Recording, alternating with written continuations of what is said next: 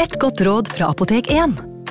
Nå er snart pollensesongen i gang, og et godt råd til deg som sliter med pollenallergi, er å begynne behandlingen i god tid før allergisesongen starter. Da får du nemlig enda bedre effekt av legemidlene, og så blir ikke våren din helt ødelagt. Kom innom og få råd på ditt nærmeste Apotek 1, eller chat med oss på apotek1.no. Apotek 1 vår kunnskap, din trygghet.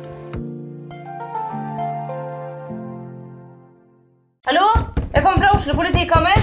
Ine Jansen er purk. Er du purk? The motherfucking bitch. Alt jeg vil, er å finne ut hva som skjedde med mannen min. Jon Carew. Er jeg sikta for noe? Iben Akeli. Det er du. Ole So, Lars Berrum og Big Daddy Karsten. Hvem sin side er du på, egentlig? Anette Hoff, Tone Danielsen, Kommer du fra Afrika? Jørnis Josef, Nesten kløfta. Trond Espen Seim, Det er synd å si det, men det var feil mann som døde. Purk. Premiere tirsdag på TV2 Play. Hei! Takk for at du lytter til True Crime Podden dokumentar. Skulle du ønske at du kunne høre en ny episode av denne podkasten hver eneste uke? Vel, da er det bare å laste ned podkastappen Untold med en gang. I tillegg til ukentlige episoder av podkaster som Skrekkpodden, Synderne og True Crime Podden, får du masse annet reklamefritt og eksklusivt innhold. Last ned Untold i AppStore eller Google Play, og start din 30 dagers prøveperiode i dag. Det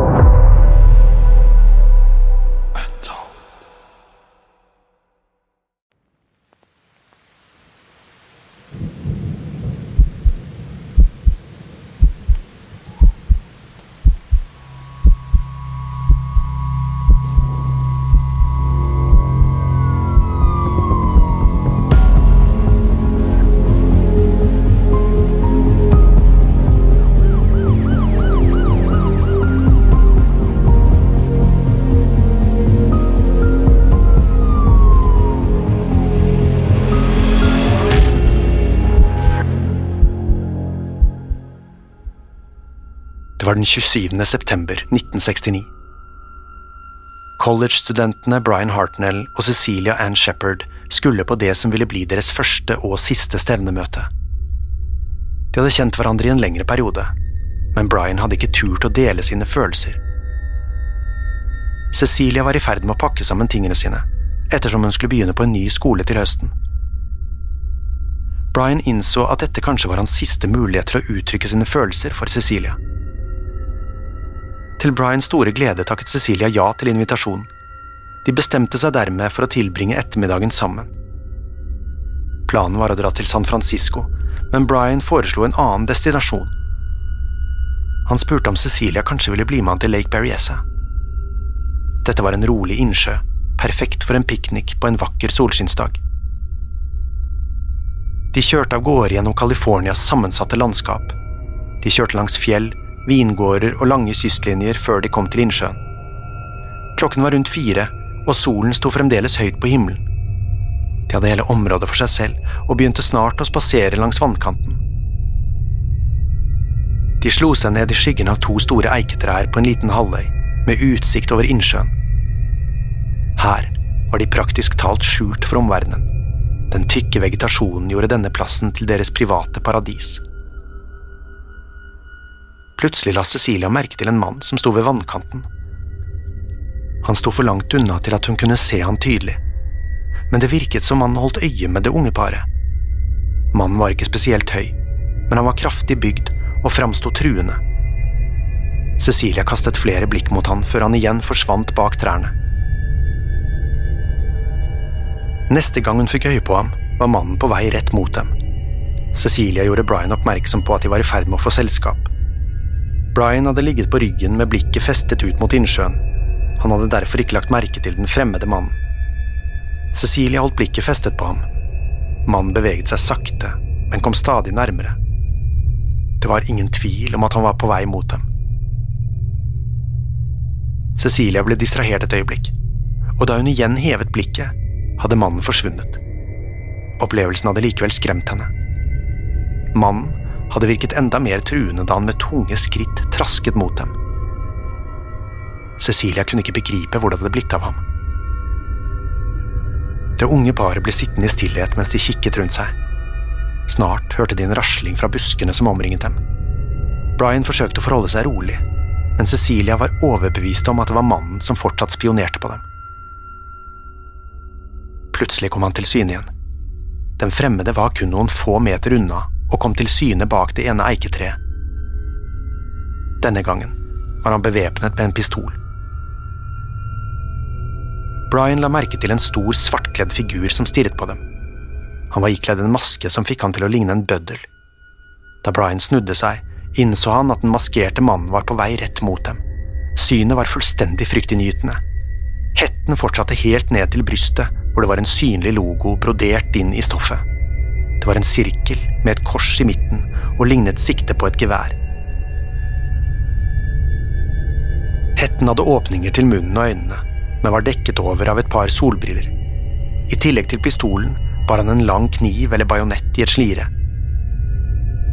Brian og Cecilia visste ikke hva de skulle gjøre. De var begge skrekkslagne, men også usikre på hva som egentlig foregikk. Den maskerte mannen presenterte en helt annen type trussel. Dette var eh, mer enn bare en skuelysten gris. Brian antok umiddelbart at den maskerte mannen var der for å rane dem. Han hadde uansett ingen penger eller verdisaker på seg, men ville overlevere hva han enn hadde på seg. Da den fremmede mannen sto over dem, forsøkte Brian å snakke til han. Raneren svarte i en monoton, nesten treg stemme. Han brukte et enkelt språk, og Brian fikk dermed følelsen av at han ikke var en høyt utdannet person. Brian studerte masken. Under solbrillene så det ut til å være et par med vanlige briller. Gjennom hullene kunne han også se svett, brunt hår som klistret seg til huden hans. Utover dette var det umulig å identifisere mannen. Den maskerte mannen ba Brian om å gi fra seg bilnøklene og alle pengene sine. Brian ble umiddelbart lettet. Dette bekreftet hans mistanke om at han var der for å rane dem. Mannen fortsatte å forklare at han planla å kjøre bilen til Mexico. Brian hadde ingen planer om å krangle med raneren, og begynte umiddelbart å lete gjennom lommene sine. Han fant frem bilnøklene og det lille han hadde av penger. Den maskerte mannen tok imot småpengene, men kastet nøklene ned på bakken. Han festet så pistolen i hylsteret i beltet. Brian innså at det ikke hadde vært noen stor fangst for raneren, men tilbød seg å hjelpe han på andre måter. Den maskerte mannen fortalte at han hadde dårlig tid, han hadde nemlig rømt fra et fengsel i Montana og drept en fengselsvakt på veien. Han var nå på flukt i en etterlyst bil. Brian følte fremdeles ikke at han var i livsfare. Han antok at pistolen var uladd og kun ment for å true dem. Han så likevel ingen grunn til å ta noen unødige sjanser i denne situasjonen. Brian gjentok at han ikke hadde noe mer penger på seg, og at raneren kastet bort tiden sin. Brian ble etter hvert bekymret for hva den maskerte mannen kunne finne på. Blikket hans var nå rettet mot den store kniven som hang i mannens belte. Uavhengig av om pistolen var ladd, var dette åpenbart et dødelig våpen. Den maskerte mannen ga paret ordre om å legge seg ned på bakken. Han informerte dem så om at han planla å binde hendene og føttene deres sammen. Ideen om å bli bundet på denne måten gjorde Brian rasende. Han var en sterk og storvokst mann og hadde ingen planer om å la seg ydmyke. Brian bestemte seg for å prøve å snu situasjonen, og ville forsøke å få tak i pistolen. Han følte allerede at han hadde hatt flere muligheter til å gripe våpenet. Da han insinuerte dette for Cecilia, ble hun tydelig redd. Brian ønsket ikke å utsette henne for unødvendig fare, og bestemte seg for å la det være. Han tenkte at det mest fornuftige man kunne gjøre hvis man ble ranet, var å gjøre som han ble fortalt. Raneren ga dermed Cecilie ordre om å binde fast Brian, og ga henne et stykke klessnor. Hun gjorde som hun ble fortalt, men endte opp med å knyte løse knuter. Så snart hun var ferdig, begynte den maskerte mannen å binde hendene og føttene til Cecilia sammen. Han forsikret seg om at knutene satt stramt, og at hun ikke var i stand til å komme seg løs. Brian holdt beina og armene i spenn og ventet på en mulighet til å angripe. Den maskerte mannen la riktignok merke til de halvhjertede knutene før Brian rakk å gjøre noe. Han strammet dem, så det var umulig for Brian å rive seg løs. Brian var nå ute av stand til å bevege seg. Det var ikke før han lå der hjelpeløs at Brian innså hvor merkelig situasjonen var. Hvorfor skulle han ta seg bryet med å binde dem fast etter å ha ranet dem? Den maskerte mannen snakket i en rolig tone. og verken Brian eller Cecilia endte opp med å føle seg spesielt truet. De fortsatte å snakke sammen uten at raneren ga noen spesifikke instrukser. Brian forsøkte igjen å tilby sin hjelp, men dette ble raskt avvist. Jeg blir nødt til å stikke dere, sa plutselig den maskerte mannen mens han dro kniven ut av sliret. Dette endret umiddelbart stemningen. Brian hadde tenkt at det verste som kunne skje, var ydmykelsen han ville føle av å bli funnet fastbundet på denne måten. Plutselig truet raneren med å skade og kanskje drepe dem. Brian ba ham om å angripe seg først. Han orket ikke tanken på å se Cecilia bli stukket. Den maskerte mannen godtok dette, og begynte å stikke Brian gjentatte ganger i ryggen. Blodet sprutet og traff Cecilia i ansiktet. Hun skrek mens blodet rant nedover kinnene hennes.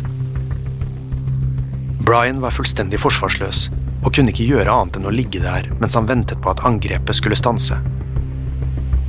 Den maskerte mannen gikk så løs på Cecilia. Brian var fremdeles i live og så på nært hold hva hun ble utsatt for. Gjerningsmannen angrep henne med så voldsomme slag at Brian kunne høre ribbeina knuse. Brian ga fra seg et stønn før han kollapset på bakken. Den maskerte mannen var nå i full gang med å angripe Cecilia. Han løftet kniven høyt opp i været før han hogget inn i den forsvarsløse jenta. Han dro kniven ut og gjentok bevegelsen. Ti ganger stakk han Cecilia i ryggen før han sa seg fornøyd.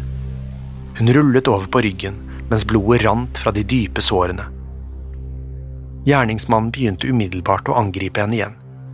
Nå stakk han henne i brystet, magen og underlivet. Cecilia var fremdeles i live og tryglet den maskerte mannen om å stanse men hennes rop om nåde virket bare å oppmuntre gjerningsmannen. Han fortsatte å angripe henne, med flere knivstikk i magen og langs siden. Brian hadde fått nok. Han snudde seg vekk, men hørte fremdeles den hjerteskjærende lyden av Cecilias skrik. Han hørte gjerningsmannens pesing og kniven som hogget seg inn i kroppen hennes. Brian var ute av stand til å hjelpe Cecilia. Uansett hvor hardt han kjempet, var det umulig å komme seg løs. Han bestemte seg for at han i det minste kunne forsøke å redde sitt eget liv. Det ville ikke hjelpe noen om han møtte den samme skjebnen som Cecilia. Alle forsøk på å leke helt ville bare være en dødsdom. Brian forsøkte å ligge helt urørlig, uten å gi fra seg en eneste lyd. Han forsto at å spille død var hans eneste mulighet til å overleve. Så snart han var ferdig med Cecilia, forlot den maskerte mannen åstedet. Han lot både bilnøkler og pengene ligge igjen. Historien om flukten fra fengselet var åpenbart fabrikkert. Han var der. Kun for å drepe. Brian lå der og holdt pusten mens han lyttet til mannens trege fottrinn. Det var bare tilfeldigheter som gjorde at Brian fremdeles var i live. Kniven hadde truffet noen millimeter unna hjertet, og han kunne fort ha endt opp med å blø i hjel. Cecilia hadde ikke vært så heldig. Hennes hovedpulsåre var kuttet over, og hun blødde sakte i hjel. Hun var riktignok fremdeles i live da gjerningsmannen forlot åstedet. Brian og Cecilia begynte sammen å rope etter hjelp. Brian ålte seg bort til Cecilia og forsøkte å rive opp knutene med tennene. Munnen hans ble fylt med blod, men han lykkes til slutt å få henne løs. Med hendene frie kunne Cecilia hjelpe Brian. Han hadde tenkt å løpe etter hjelp, men han var altfor svak til å bevege seg. Brian hadde mistet flere liter med blod, og han hadde mistet følelsen i hendene og føttene. En fisker som var ute på innsjøen med sønnen sin, hørte de desperate ropene om hjelp. Han kom til unnsetning og ble møtt med det grusomme synet av de blodige kroppene. Fiskeren ble vettskremt og våget ikke å gå i land. Han dro i stedet direkte for å skaffe hjelp, uten å undersøke Brian og Cecilias tilstand. Brian forsøkte febrilsk å vinke til fiskeren og var i ferd med å gi opp håpet da han så at båten snudde. Brian begynte å dra seg bortover langs bakken. Han innså at det var håpløst, og tenkte at han ville være død i løpet av få minutter. Likevel ble han drevet videre av sitt sterke overlevelsesinstinkt. Brian var allerede tom for krefter, men hadde ikke kommet seg lenger enn 300 meter fra åstedet. Han var i ferd med å gi opp alt håp, da han fikk øye på en bil som kom kjørende langs veien. I denne bilen satt Dennis Land. Han hadde mottatt en beskjed om at en fisker hadde observert to hardt skadde mennesker ved vannkanten. Han var nå på vei for å undersøke hva som foregikk. Brian ropte ut at hans venninne fremdeles var ute på halvøya. Dennis forsto at det var snakk om liv og død, og skyndte seg videre mot Cecilia. Hjelpen var nå på vei, og Brian og Cecilia mottok umiddelbart førstehjelp mens de ventet på at ambulansen skulle ankomme. Det nærmeste sykehuset var riktignok en times kjøretur unna. Brian beskrev en kombinasjon av frykt og sjokk, som overdøvet følelsen av smerte. Det var nesten verre å lytte til Cecilias rop om hjelp. Hun skrek ut i desperasjon mens hun tryglet om å få noe som kunne døyve smerten. Hun mistet stadig mer blod, og flere vitale organer var kritisk skadd. De 24 knivstikkene var i praksis en dødsdom.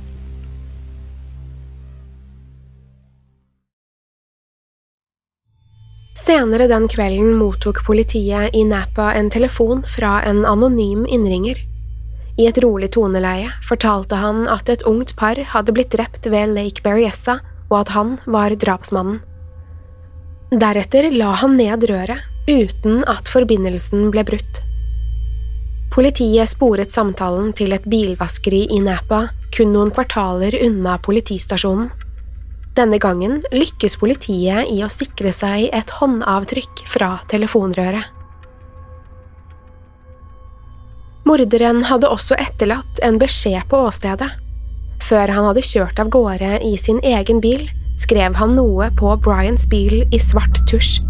Beskjeden leste som følger. Vallejo 20. desember 1968 4. juli 1969 27. september 1969 klokken 6.30 Med kniv det var ingen tvil om hva denne beskjeden forsøkte å formidle. Dette var datoene for Zodiacs tidligere mord, så vel som dagens dato med et klokkeslett og et drapsvåpen. Politiet forsto umiddelbart at dette bød på to muligheter. Enten hadde Zodiac-morderen slått til igjen, ellers måtte det være noen som forsøkte å villede politiet. På åstedet fant politiet spor etter både bildekk og morderens støvler. Fotsporene ble sett på som et av de mest lovende funnene i etterforskningen. De kunne med dette bekrefte gjerningsmannens skostørrelse samt stadfeste noen av vitnebeskrivelsene. Avtrykkene hadde sunket dypt ned i jorden og indikerte at morderen var en tung, kanskje litt overvektig mann.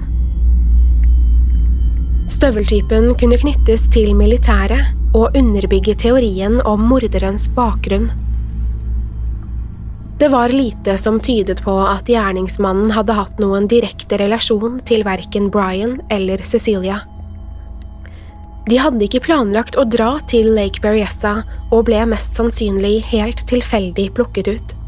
Vitner fortalte at de hadde sett det som antageligvis var gjerningsmannen, lenge før det unge paret ankom innsjøen. Dette tydet på at han ikke hadde valgt dem ut på forhånd. Cecilia Ann Shepherd døde to dager etter angrepet. Brian derimot hadde vært eksepsjonelt heldig. Kniven hadde ikke truffet noen vitale organer, og så snart blødningene ble stanset, var han utenfor livsfare. Spørsmålet forble om det virkelig var Zodiac som hadde slått til igjen. Det var flere ulikheter i fremgangsmåten som gjorde det vanskelig for politiet å være sikker. Ofrene var et ungt forelsket par som nøt et privat øyeblikk. Dette samsvarte med Zodiacs tidligere drap. Denne gangen hadde riktignok morderen valgt å angripe med kniv fremfor å skyte sine ofre. Dette kan kanskje indikere en økt selvtillit og et ønske om å komme enda tettere på i drapsøyeblikket. Å drepe noen med pistol er kaldt, effektivt og presist, mens et knivdrap er langt mer intimt. Etterforskerne mistenkte derfor at dette var et seksuelt motivert drap. I brevene sine hadde Zodiac insinuert at han fikk seksuell tilfredsstillelse av å drepe. Kanskje var dette hans forsøk på å oppnå en enda mer intens nytelse. Det ble også spekulert i om det var tilfeldig at Cecilia mottok den verste behandlingen. var det kanskje et iboende hat mot kvinner som hadde motivert det voldsomme drapet. Både Michael Magoe og Brian Hartnell hadde overlevd, mens deres kvinnelige partnere hadde dødd av skadene. Var drapene kanskje motivert av en frustrasjon av å selv bli avvist av kvinner? Valget av unge, forelskede par som ofre kan umulig være tilfeldig. I motsetning til de tidligere drapene valgte morderen denne gangen å dekke til ansiktet sitt. Han var iført en hette som ga det hele et ritualistisk preg. Hetten bar samme logo som Zodiac hadde brukt som sin signatur, og dette presenterte en åpenbar kobling. Kanskje var det en konsekvens av at Michael Magoe hadde overlevd at han tok ekstra forholdsregler. Dette er riktignok det eneste tilfellet hvor morderen valgte å skjule ansiktet sitt. Faktum at morderen hadde ringt politiet fra en telefonkiosk like ved politistasjonen, var også en kobling til Blue Rock Springs-drapet. Zodiac hadde åpenbart et behov for å annonsere sine forbrytelser og likte å erte både politiet og offentligheten. De fleste følte seg overbevist om at det var Zodiac som hadde slått til igjen. Det skulle ikke ta lang tid før nok et drapsoffer skulle knyttes til Zodiac. Det var den 11. oktober 1969 og Paul Stein hadde hatt en travel kveld på jobb. Han hadde allerede plukket opp flere passasjerer da en kraftig mann satte seg i baksetet på taxien like før klokken ti på kvelden. Passasjeren ba Paul om å kjøre til Presidio Heights. Lite visste Paul om at dette ville være hans siste kjøretur noensinne. Det er uvisst hva de to mennene pratet om, men passasjeren fremsto antageligvis som en helt normal kunde. Men da de nådde målet, steg passasjeren ut av bilen, dro ut et våpen og skjøt Paul Stein i hodet. Han døde momentant. En gruppe barn sto på den andre siden av veien og ble vitner til morderens handlinger etter drapet. Han sirklet rundt til den andre siden og så ut til å tørke av bilen med en klut eller et håndkle. Da han var ferdig, forlot han åstedet med en avkappet bit av Pauls blodige skjorte. Drapet ble umiddelbart antatt å være et resultat av et mislykket ran. Politiets teori var at en krangel hadde brutt ut mellom Paul og hans passasjer, og at dette hadde ledet til den endelige konfrontasjonen. Dette forble politiets teori, helt til et nytt brev dukket opp på desken til The San Francisco Chronicle. Konvolutten var merket med den nå velkjente logoen bestående av en sirkel med et kors i midten. Brevet åpnet med linjen This is the Zodiac speaking, som også hadde blitt et av morderens kjennetegn. Zodiac tok på seg æren for drapet på Paul Stein og la ved det blodige klesstykket for å bevise sin skyld.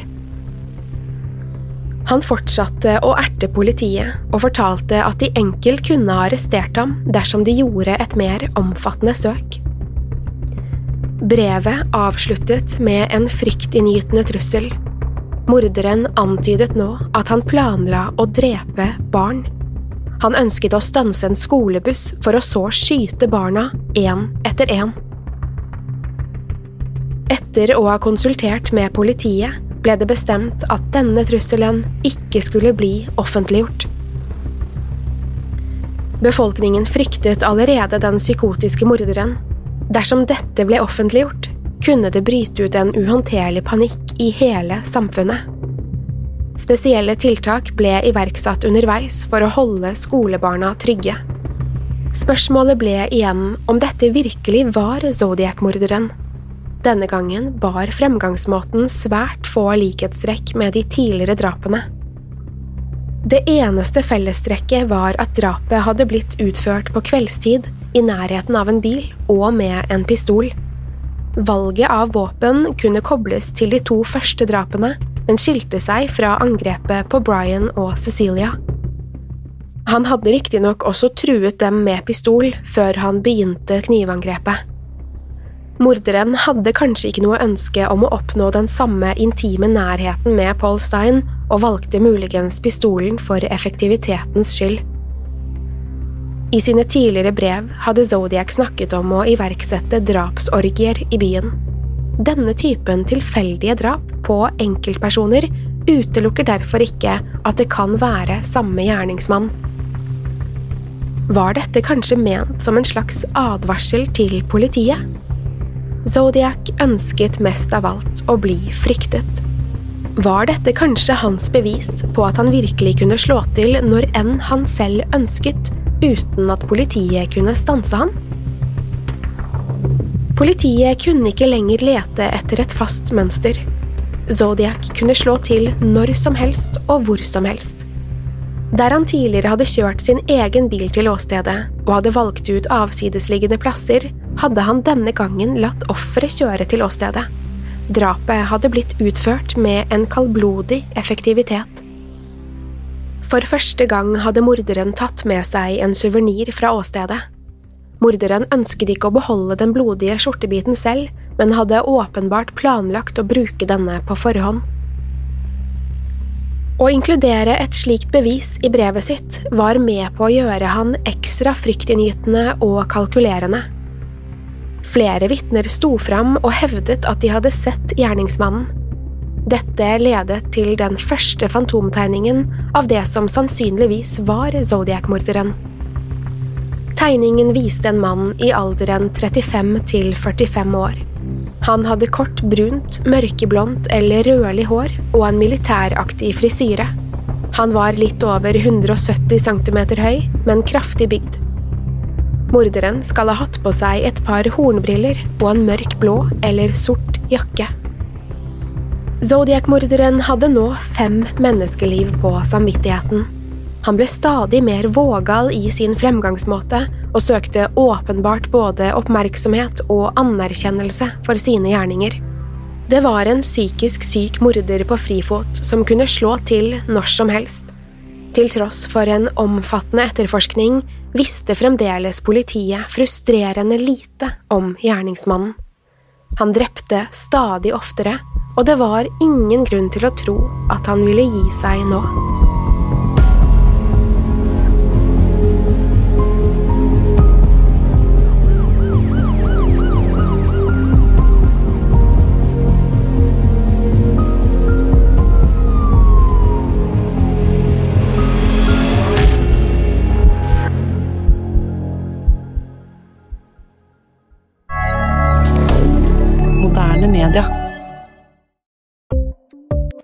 Ukens annonsør er Folio, en smartere banktjeneste for deg som har en egen bedrift eller ønsker å starte for deg selv. Folio er en superenkel nettbank for bedrifter. Som kunde i Folio får du en bedriftskonto med et bedriftskort og app. I denne appen er det smarte løsninger som forenkler regnskapet ditt, uansett om du har en liten bedrift eller et enkeltpersonsforetak. Folio er både intuitivt og brukervennlig, og er laget med et enkelt språk. I tillegg tilbyr de forutsigbare priser og ingen skjulte gebyrer. Skulle du likevel trenge det, så kan du snakke med deres raske og hyggelige kundeservice, og der får du prate med en faktisk person og ikke en chatbot. Folio er med andre ord både enklere og koseligere enn banken. Over 10 000 bedrifter har allerede valgt Folio som sin banktjeneste, så besøk folio.no og se hvordan Folio kan forenkle din hverdag også.